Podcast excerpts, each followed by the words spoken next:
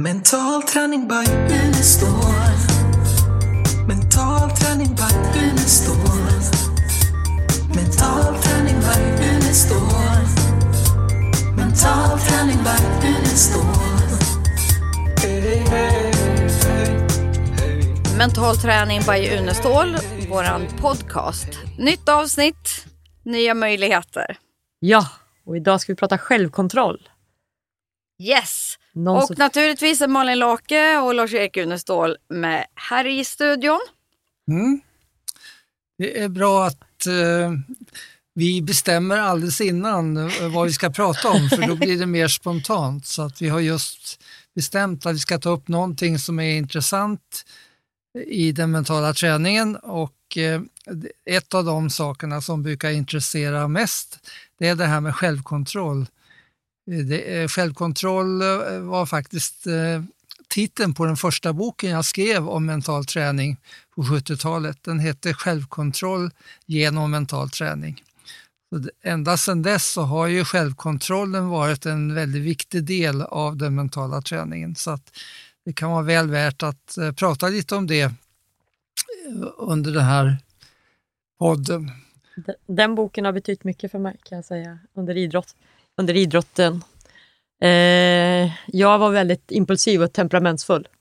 Och eh, självkontroll när jag läste den boken och skaffa mig, ja, men jag skaffade mig redskap för att eh, kunna bryta när jag kom in i och blev alldeles för het på. Så jag hade det jag jobbade med rött ljus, tog ett djupt andetag och sa fokus för mig själv för att bryta och kunna hitta tillbaks till en bra spänningsnivå.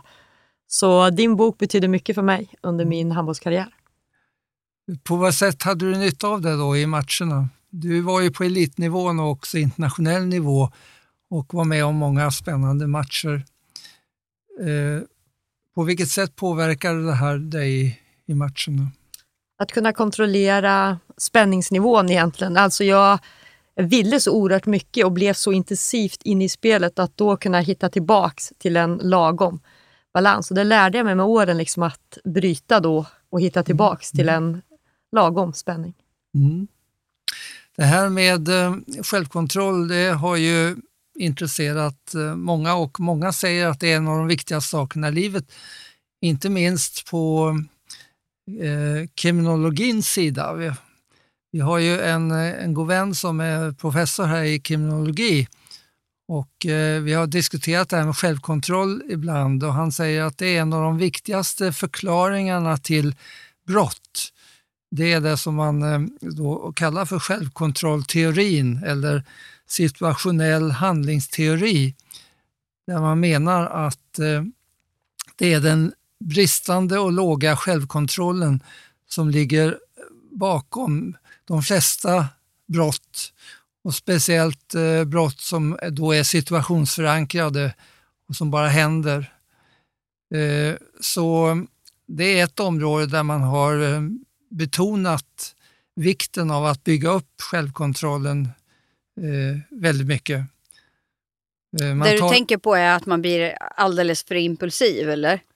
ja, Du blir impulsiv och så liksom tappar du självkontrollen och bara gör saker random. Ja, mycket av det har ju att göra med att eh, eh man väljer en omedelbar tillfredsställelse eh, istället för att eh, sikta på tänka efter, fundera och eh, bli medveten om riskerna och sen tar man andra beslut.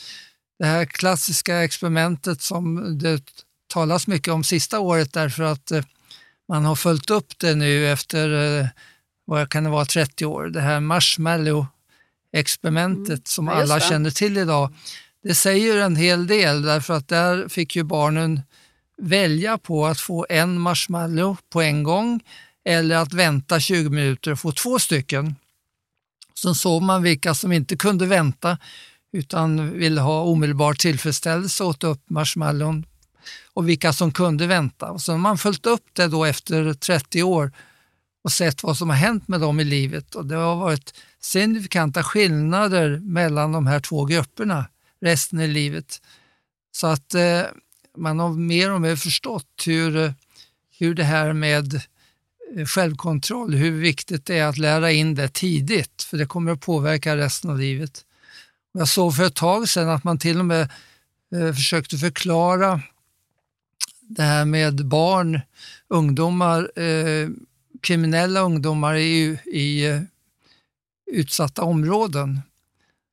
Att eh, det också hade med eh, att man föredrog då den här omedelbara tillfredsställelsen med snabba pengar och eh, istället för att eh, eh välja den här vägen där man långsiktigt då eh, bygger upp ett liv där man tjänar pengar på, på rätt sätt och så vidare. Och eh, Det är ju då ganska intressant för att vi talar ju mycket om att om de bara får alternativ att gå i skolan och, och eh, få ett Svenssonliv så kommer de att välja det. Men utifrån den här teorin kommer de inte att välja det. Därför att den här omedelbara tillfredsställelsen av sina behov är viktigare om man har låg självkontroll. Så att eh, det här går in i, i, nästan allt vad vi gör. Och eh, där är det också intressant för att eh, varför nästan alla människor har en bristande självkontroll. Det beror ju på att eh, vad man översatte självkontrollen med tidigare, det står fortfarande i ordböcker då, att självkontroll har med viljemässig, med vilja att göra. Att vara viljestark, det var detsamma som självkontroll. Och eh, viljan har ju i stort sett försvunnit ur både psykologin och den mentala träningen och vi har ersatt den med eh, andra saker, med motivation och vi har ersatt den med andra kontrollsystem eh, som vi kanske kommer att prata om redan nu eller också om vi inte hinner med det i kommande poddar. Det här ja. med att vi, vi jobbar med bilder som styr, som styrmedel. Vi jobbar med eh, triggers istället för det vi kallar för viljan. För att eh, vi, vi, alla av oss känner ju till att viljan är väldigt begränsad. Om det vore så att vi, att vi eh, inte har problem för att vi inte vill det, då skulle det vara enkelt. Men trots att vi inte vill det så får vi problem. Så det är att, samma med om man ska by, liksom bryta ett beteende. Så vet vi ju hur utmanande det är för de flesta att bryta eller ändra ett beteende. Mm. Och det räcker ju inte med, med vilja utan där gäller det verkligen att programmera om sig. Absolut. Och där finns det ju ja, fantastiska forskning och, och bra filmer med Bruce Lipton, hur han förklarar det här som du har vetat i 50 år, där du har sagt i den mentala träningen. Mm. Det kan man nu se och mäta och forska på. Mm. Och, och det krävs mer. Du jobbar ju en hel del till exempel med eh, ätstörningar. Och eh, det är samma sak där eh, när du har en, en klient som har en ätstörning. att Eh, den vill ju då mm. till exempel eh, kunna äta ordentligt och gå upp i vikt. Och samtidigt så, så gör den inte det. Eh, så att vi Samma har hela om du vill gå ner i vikt så vill, vet ju alla hur man gör för att gå ja, ner i vikt. Ja. Men ändå så är det många som inte gör det. Nej. Och, Man vet att det är bara är att äta mindre och motionera mer. Så det är inte bara det här att vi säger att vi har ett val mellan att eh, äta och inte äta, eller utan det är ju fråga om hur vi, eh, eh, ja, om jag ska gå ner i vikt och jag vet att jag borde inte ta den här bakelsen och ändå tar den, så är det ju trots att jag inte vill egentligen mm. ta den som jag tar den. Så jag har ju hela tiden sådana här frestelser som gör att man faller till föga trots att man vill en sak. Så ja, jag ser någonting... det. Det är ju liksom att vi har det här programmet i oss mm. och det programmet kommer ju att vara ända tills vi, som vi gör i mental träning, använder alternativa medvetande och ger kroppen andra bilder, förutsättningar mm. som programmeras in, mm. som börjar styra istället. Mm.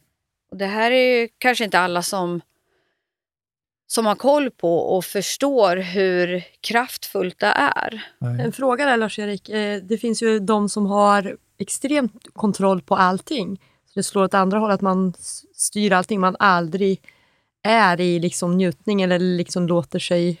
Hur, mm. hur tänker ja, du kring det, det? Eh, den här eh, CDO som jag brukar tala om, då säger de, ja men det heter ju OCD. Jo men är man tvångsneurotiker så ska man ju ha bokstäverna i ordning så blir det CDO. Men i alla fall har man det, då är det ju ett tvångsmässigt eh, kontrollbehov som inte har att göra med det jag egentligen vill, utan det är att jag har eh, blivit kontrollerad av, av någonting, ungefär som man talade om att man, eh, vissa människor kunde kontrollera andra med till exempel hypnos. Det var mycket filmer och annat som gick ut på det då. Eh, och det är ungefär samma sak här, att man är kontrollerad av eh, ett behov. Det är ofta ett tecken, ett sätt att undvika ångest. Så gör man det för att slippa ångest och då kan det vara väldigt svårt att, att bli av med det. Men jag ser det som att det är en programmering i sig, det också. Mm. Så den kan man ju inte bara liksom coacha sig ur eller sitta och prata sig ur utan man behöver processa sig ur det med eh, alternativa metoder där man liksom använder det alternativa medvetandet. Vad är alternativa metoder om du skulle... Ja, men jag tänker att man använder, man går ner i djup avslappning som vi gör i mental träning. Man går till mentala rummet och så ser man sig så som man vill, vill vara. Eh, och dessutom jobbar med motivation och vad man har för värden som styr, föreställningar som styr. Det är rätt så många komponenter som man behöver titta på hur, hur vill jag att kroppen ska reagera istället för som den gör nu. Mm. Det kontrollsystem som eh, alla människor får lära sig från början, det är ju det som eh, jag brukar kalla det för det eh, dominanta kontrollsystemet, DKS. Och det är just den viljemässiga ansträngningen. Man eh, bestämmer sig för en sak och sen anstränger man sig för att få det gjort. Men eh, det är en väldigt bristfällig metod trots att den är den enda som människor har ofta. Den sliter på kroppen dessutom för där använder du ju för mycket resurser och energi och för mycket muskler och för mycket tankar. Och, så där sliter man ut kroppen istället för att göra det som är minst krävande egentligen. Så det, ja, den som i, har de problemen, vad, vad... Inom idrotten då så uh, kan man ju se det då för att uh, vi upptäckte redan på 70-talet när jag jobbade med landslagen då att börjar man ta i till exempel när man skulle springa 100 meter, då gick farten ner. Eh, det vill säga att man ansträngde sig för att springa fort och farten gick ner.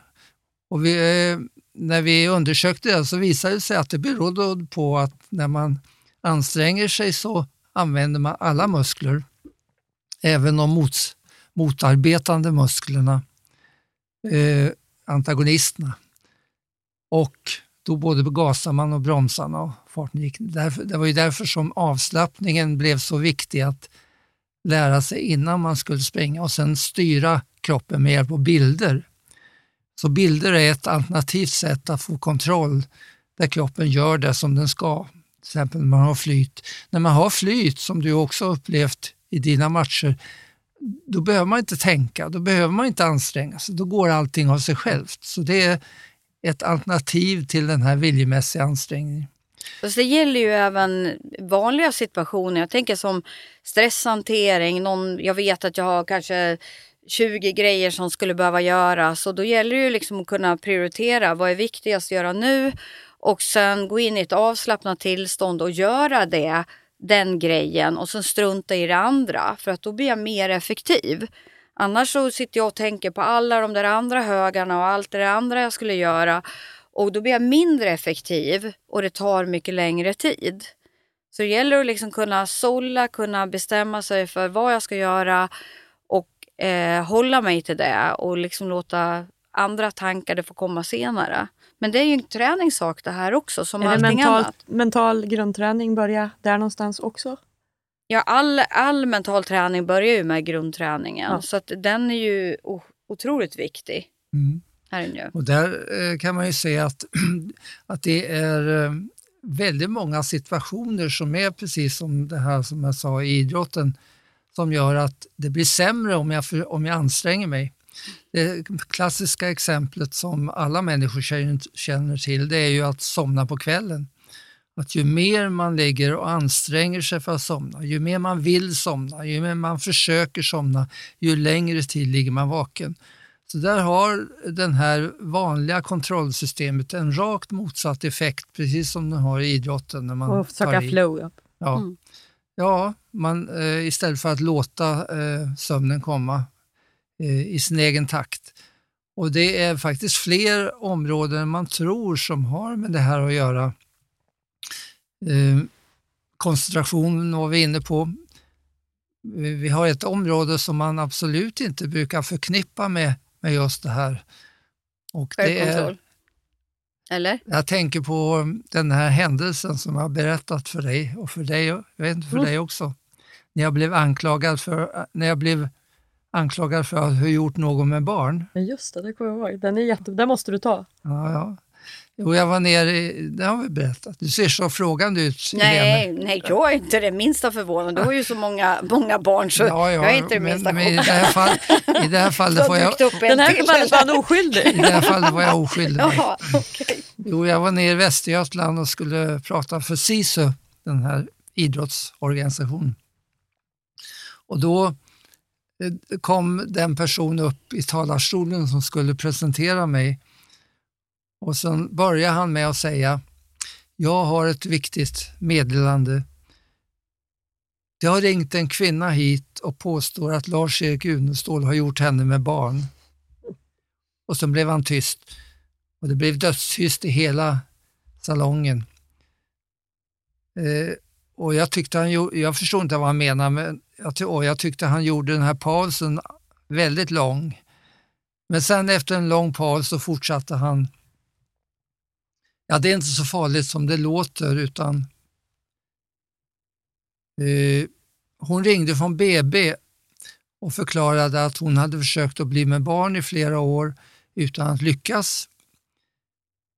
Sen började hon med mental träning och blev med barn och då ringde hon och ville tacka. Och det är faktiskt en sak som vi har fått flera eh, Kanske mer om. konstigt, eh, för den har jag också fått att folk, det är i alla fall två stycken som har ringt och tackat mig för att jag har gjort dem med barn. Jaha, den den säger kanske är lite det, mer... det är ju ännu konstigare. Den, den får vi nog tänka längre på. Men det Ja. är ju samma metod, det har ju varit hypnos då, liksom, med att jag har Ja. kört hypnossessioner med Men personer. Där tycks det också vara så att när man jobbar, och kämpar och sliter för att bli med barn så blockerar ansträngningen eh, förmågan att bli med barn. Medan om man eh, istället börjar slappna av och släpper det här tvånget eller ansträngningen, då kommer, då kommer det. Och det är väl det som gör också att vissa som har gett upp och beslutar att det går inte, vi måste adoptera. Mm. När de väl har beslutat om adoptionen så kan de bli med barn själva. Känner Det har med samma, stycken. Ja. samma system att göra. Så att eh, här har vi verkligen behov av att hitta alternativa kontrollsystem som vi har i mental träning. Mm. Och de eh, två främsta som vi kanske ska återkomma till för att bägge två är så pass stora att vi tar tid att gå igenom dem. Det ena är bilder där man styr, eh, använder bilden som styrinstrument. Man skapar en bild och sen låter man det hända. Kan jag få bara säga en sak? Ja. När, du, när du säger bilder så, så pratar vi om alla våra sinnen. Ja. För det är ju en del som är mer eh, kan få lättare en känsla än en bild. Mm. Och man kan liksom ju mer av våra sinnen vi har med i, i bilder och att vi faktiskt är inne i en situation Mm. är ju mer kraftfullt Mm. än att vi ser en bild utifrån. Ja, stämmer det Lars-Erik? Jag vill bara Absolut. förtydliga det. Mm. alltså, Så att- eh, eh, bild på eng engelska är ju image och det betyder egentligen föreställning. Men när jag började med den mentala träningen så var det så besvärligt att översätta till exempel självbilder eller målbilder med självföreställningar och målföreställningar. Så istället valde jag det här kortare uttrycket bild. Men det är viktigt som eh, ni säger att eh, eh, det är viktigt att veta att det inte bara synen utan det är alla Nej. sinnena. Ja. Det är en upplevelse, en föreställning ja. man skapar.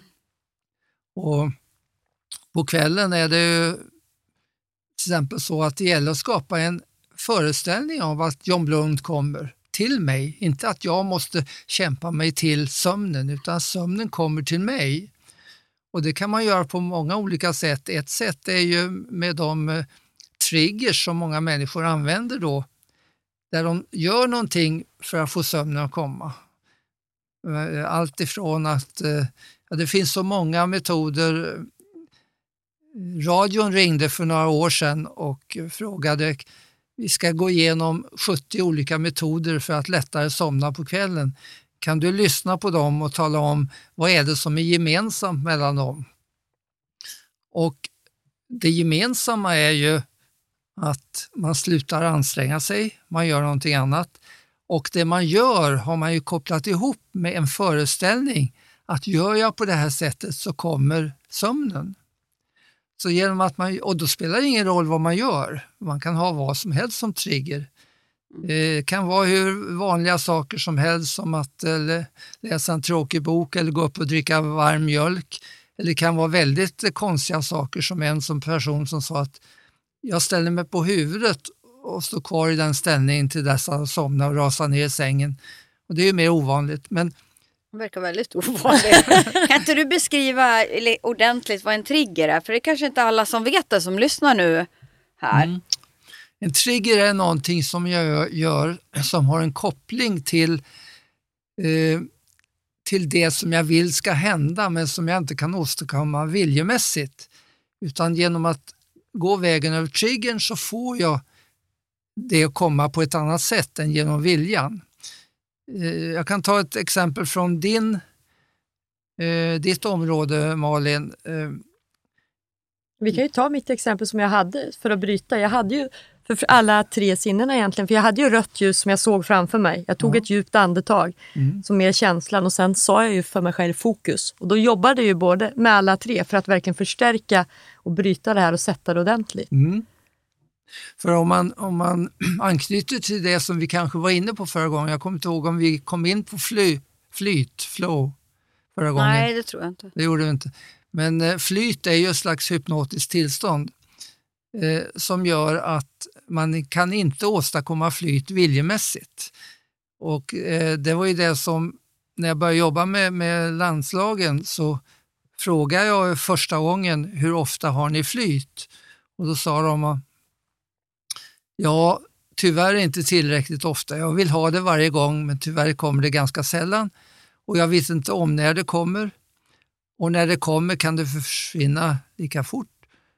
Och sen sa man två saker som eh, eh, blev väldigt viktiga. Man sa, när jag har flyt vet jag inte om att jag har flyt förrän efteråt. Och om jag blir medveten om att jag har flyt så försvinner det. Så här hade vi alltså någonting som man inte kunde framkalla viljemässigt och som var, man inte visste hur man skulle kunna åstadkomma. Och då när du frågar mig, Helene, om, om det så kan jag säga då att det vanliga är ju då om man ska lära en idrottare att få kontroll över sitt flyt, det är ju då att eh, i i sitt mentala rum där man är i ett slags självhypnotiskt tillstånd så går man tillbaka till ett tidigare upplevelse där man haft flyt. Och när man går tillbaka i, i, i, det tillståndet i det mentala rummet, då är det inte ett intellektuellt minne som kommer utan då är det ett upplevelseminne. Jag upplever att jag är där igen och jag upplever, att, upplever den känsla jag hade då när jag hade flyt. Då har man innan man gör det bestämt vad ska jag ha som trigger. Och Då brukar man välja någonting som är alldeles innan man ska prestera i idrott. Ehm, det kan vara att man ställer fötterna i ordning eh, om man tar golf. Eller det kan vara som Annika Sörenstam, att man trycker till på klubban innan man ska slå. Det spelar ingen roll vad man väljer. Sen kopplar man då det som man har valt som trigger till det här tillståndet som man upplever i det mentala rummet. Och då skapas en vanlig betingning, en koppling i huvudet mellan det jag gör och att få eh, flytet att komma. Och då behöver jag inte anstränga mig, jag behöver inte tänka på ens, utan det här kommer, så fort jag gör det här så kommer det som jag vill ha. Och vi kan väl säga när det gäller trigger så har vi ju, vi är ju fullproppade med trigger. Alltså vi, det är kanske en 80-90% av det vi gör varje dag kan man säga är triggers. Mm. Inprogrammerade saker. Jag menar, är jag ute och kör bil och det blir rött, mm. ja då är det klart att jag bromsar ja. och stannar. Oj, du brukar köra då Lars. Du brukar köra när det är rött istället. Men alltså de, för det mesta så, så brukar man bro, bromsa och stanna. Det är liksom en sån inprogrammerad trigger. Så vi har ju det, vi gör ju det väldigt mycket men vi kan göra det medvetet också med saker som vi vill ha. Jo, och väldigt många triggers som människor har då har fått inprogrammerade, de är ju negativa. Ja, man precis. blir irriterad när man träffar en viss människa eller någon säger en viss sak och så vidare. Så vi har kopplingar hela tiden. Ja positiva och negativa. Man hör en låt, det kan ju vara ett adjutivt med att man hör en låt och förknippar till en känsla till ja, det var då vi gifte oss och den här låten spelades ja. och det finns ju mm. så många olika sätt att hamna i det. Ja, och där är det viktigt att säga också att har vi negativa triggers så kan vi ju faktiskt programmera om dem i mentala rummet så att de negativa försvinner när vi väl blir medvetna om dem och eh, göra en ny koppling mm. med det vi vill ha istället. Ja, visst. Jag kommer ihåg en, gång när man klagade över, jag har en energibudget som jag jobbar med och där finns då på utgiftssidan så finns det här med energitjuvar. Ja. Och eh, då var det några som tog upp då eh, hur det här med några på jobbet alltid tog energi från dem. Och jag frågade dem, vill ni ha det så? Nej, men jag kan ju inte hjälpa att eh, när jag träffar den personen så blir jag irriterad och tappar energi och så. Eh, ja, men det är klart du kan göra någonting åt. Ja, men det har ju med den andra att göra. Ja, men gör så här då. Sen fick de gå ner i det mentala rummet. Och så skapade jag en bild av eh, den här energitjuven där den, den där tjuven såg väldigt rolig ut. Roliga kläder och lång näsa och långa öron och så vidare. Så att de började skratta när de såg den här energitjuven. Och det fick de göra ett par gånger. Sen sa de, nu när jag träffar den personen så tar den inte energi längre. Jag kan inte hålla mig för skratt eh, nästan. Jag försöker dämpa mig men jag får en, en, en, glad känsla när jag träffar den personen. Så att det finns många knep mm. för att få bort sådana här negativa kopplingar vi har till olika situationer och som vi inte viljemässigt kan komma åt. Mm. Men hur tänker du på, jag tänker på självkontroll nu då. Mm. Är det att du är avspänd effektiv eller alltså att det är avspänd att du liksom använder kroppen på bästa möjliga vis och är i nuet eller hur vill du definiera självkontroll? Självkontroll har ju att göra med att de flesta människor vill ju ha ett bra liv och vill ju välja de saker som leder dem till ett bra liv och göra de valen. Men har man inte självkontroll så styrs man av andra saker än en önskan om att få ett bra liv. Och Då jobbar man ofta mot sig själv, man väljer fel, som vi sa nu, mm. man tar impulsivt någonting som ja. visar sig fel i längden och så vidare. Så att man får aldrig den här möjligheten att styra sig mot de mål som man vill ha i livet genom att man inte har den här kontrollen över vägarna dit. Så att eh, därför går det här in kan man säga på nästan alla eh, områden i livet. Och eh, tar man en sån sak som till exempel eh, eh, negativa tankar kan vi ta. Eh, I början av den mentala träningen så kom ju människor och sa mental träning, är det samma sak som positivt tankande? Nej, så jag, det är inte samma sak. Det finns ju med, men det är bara en del. Ja, vad skönt sa de, för jag är så trött på det här med positivt tänkande. Det skrivs så många böcker om det från USA och jag får dåligt samvete varje gång jag får en negativ tanke. För jag vet ju att här borde jag inte tänka. Men jag kan inte göra någonting åt det och när jag försöker bekämpa den här tanken då kommer den ännu oftare. Så eh, vad ska jag göra åt det? Ja, det är klart, alla vill ju ha positiva tankar. Jag frågade människor i ett experiment som fick välja mellan positiva och negativa tankar och då valde alla på de positiva. Men sen frågade jag vilken av de här fångar din hjärna lättast och då valde man den negativa. Så att det var alltså så att de negativa tankarna, de jag inte ville ha, de fångade mig ännu mer än de positiva. Mm. Och då, då sitter ju många människor fast. Man får dåligt samvete för att man inte kan tänka så som man skulle vilja. Och så vidare. Och en del blir, då, blir nästan arga på det här med positivt tänkande. För säger, det är klart att jag vill ha det, men jag kan väl inte hjälpa vilka tankar som kommer in i mitt huvud. De kommer ju bara. Och jag får ofta tankar jag inte vill ha. Mm. Så därför har det varit väldigt viktigt att inte gå ut med positivt tänkande utan att visa hur får jag kontroll över mina tankar. Och eh, en av många sätt är ju det här att eh, jag slutar kämpa emot. Precis om jag slutar anstränga mig att, som, att somna så kommer sömnen.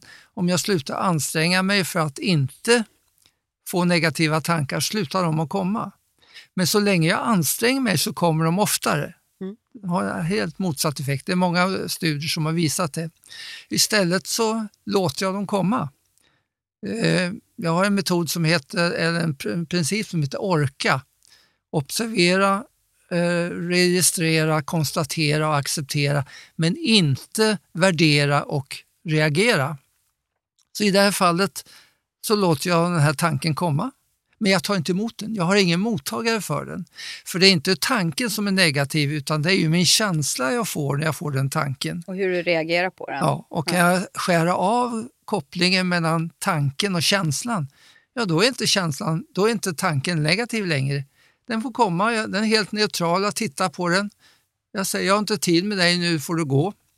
Och sen går den. Om den alltså inte kan åstadkomma en negativ känsla, då slutar den att komma. Mm. Den tröttnar. Så det finns många sådana sätt att bli av med det vi eh, vill bli av med utan att vi behöver anstränga oss. En fråga Helene, Lars-Erik, lever han som man lär? Alltså hur är det? Hur ser det ut där? Ja, det är rätt Fokus. Svårt. Det är svårt att reta upp honom om man säger så. Jag har försökt många gånger men det är inte jättelätt. Han är, han är kolugn. Du hade något ja, men. Ibland om man har liksom lite sådär småtråkigt så kan det vara kul att få lite action men det, det, det är inte jätteenkelt. Du hade något om Ryssland. Ja precis, jag tänkte på självkontroll. Men jag hade en grej före för det är ju så här jag tänkte på, det finns ju en del när man pratar om positiva och negativa tankar, att en del tror att mental träning har bara att göra att man ska vara så himla positiv och att man inte får eh, vara ledsen och arg och, och liksom så. Det stämmer ju inte. För, för det är ju liksom mer att vi, man kan programmera sig så att man hinner distansera sig och få, fler, få perspektiv på tillvaron om jag använder mental träning. Så att jag kan ta bättre beslut och bestämma även hur jag, hur jag ska liksom hantera situationen. Mm. Det är inte så att man går runt bara för man kan mental träning, att man aldrig skulle tillåta sig att vara ledsen eller arg eller eh, kränkt eller vad det nu är för någonting. Utan alla känslor finns ju med i mental träning. Men med mental träning så blir det lättare att hantera det och faktiskt få bli mer distanserad. Ja, och framförallt att använda känslorna för att eh, utvecklas och nå mina mål. Mm. Men så länge känslorna ställer eh, hinder i vägen ja. för det jag vill, det är då vi, vi jobbar med att få bort de känslorna. För det, ju, det, får vi ju ta, vi får ju prata om det här med självkänsla och självbild och, och vid något tillfälle också. Det kanske blir nästa gång, inte vet jag. Mm. Men för det är ju också viktigt att veta, eh, för där har vi ju verkliga hinder i vägen för att nå våra mål. Om du har en liksom orättvis självbild och självkänsla. Absolut. Och den går inte heller att prata bort. Nej. Vad blir dags att rulla av? Vi vill ha Ryssland innan. Ryssland. Oh, Nej, ja men det, ja, kan men vi jag ta tänkte, nästa gång. nej men varför då? Det är klart de ska få höra Rysslandsresan för den är ju både rolig och visar faktiskt en hel del på självkontroll. Jag hade inte kommit så långt då så att jag hade inte självkontroll men eh, du hade det Lars-Erik. Och det var ju så att ehm, det var en kongress i Ryssland, eller hur? Visst var det det Lars-Erik? Ja, i Sankt Petersburg. Och då hade Lars-Erik en, en Kalle Anka-buss, brukar jag kalla den. Han hade ju en dröm att man skulle, han har ju så här multi, multitasking, att man ska kunna använda en sak till flera grejer. Så han hade en dröm om att ha en stor sån här, som en länsbuss, som han både kunde föreläsa i, att man kunde sitta i bussen och så stod han längst fram och kunde hålla föreläsningar. Och sen på kvällen Man då... kunde sova i den också. Ja, så kunde man ju, då fällde man bara Dusch. Ja, då, hade han, då gick det att fälla ner så kunde man sova i bussen. Och det var dusch och kök och, Mm. Och lite av varje. Så den ska vi åka till Ryssland med. Eh, ett gäng SLH var det ju. Mm. Jag hade alla mina tre barn med mig. Mm. Och eh, min grannes dotter var med också.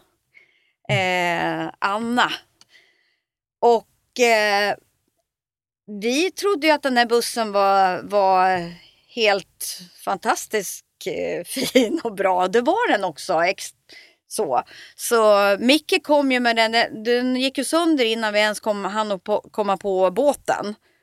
Så då var det ju något fel eh, koka och eh, i Västerås någonstans och vi stod och väntade på biljetterna och Lars-Erik kom inte och eh, båten höll nästan på att gå. Vi fick springa på innan, liksom in, Det var faktiskt få, Estonia vi åkte med två veckor innan. två ja. veckor Ja. innan katastrofen. Ja, men vi kommer på den där och så ska vi åka då genom hela Finland och ja, vilka länder var det? Nej, Estland. Estland.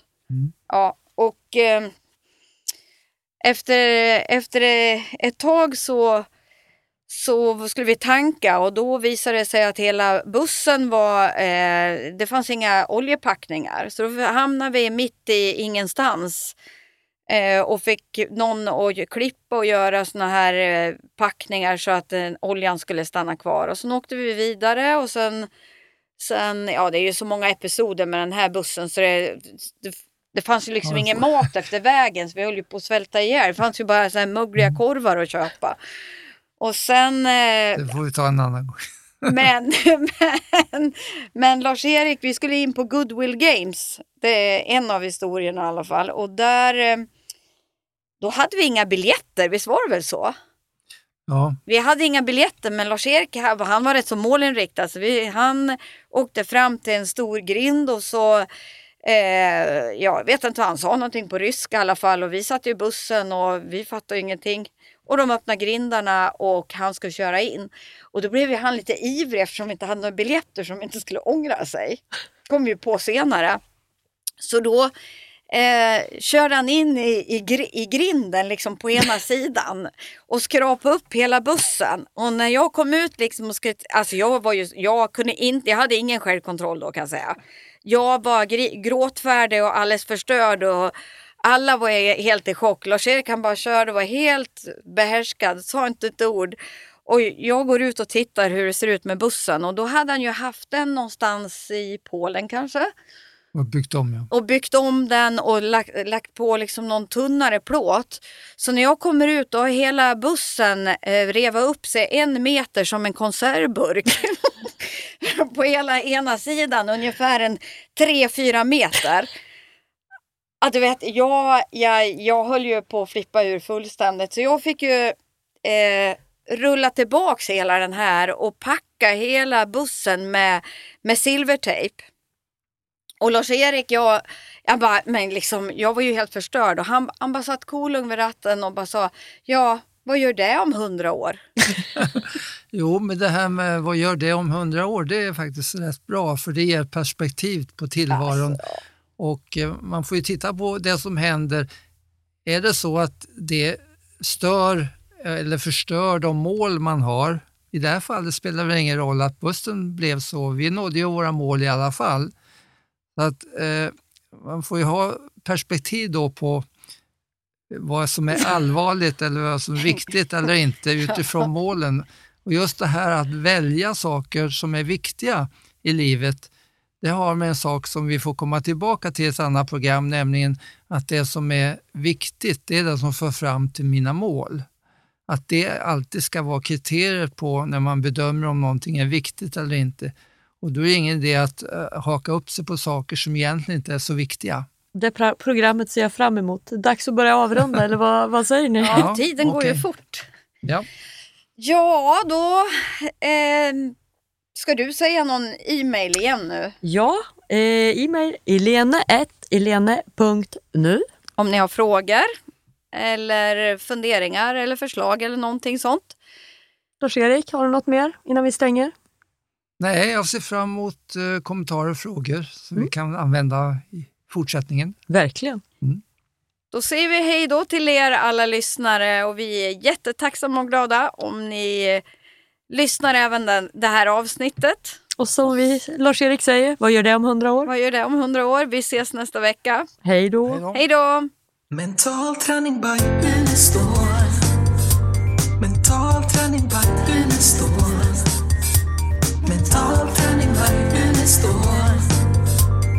Mental träning by Unestål. Hey, hey.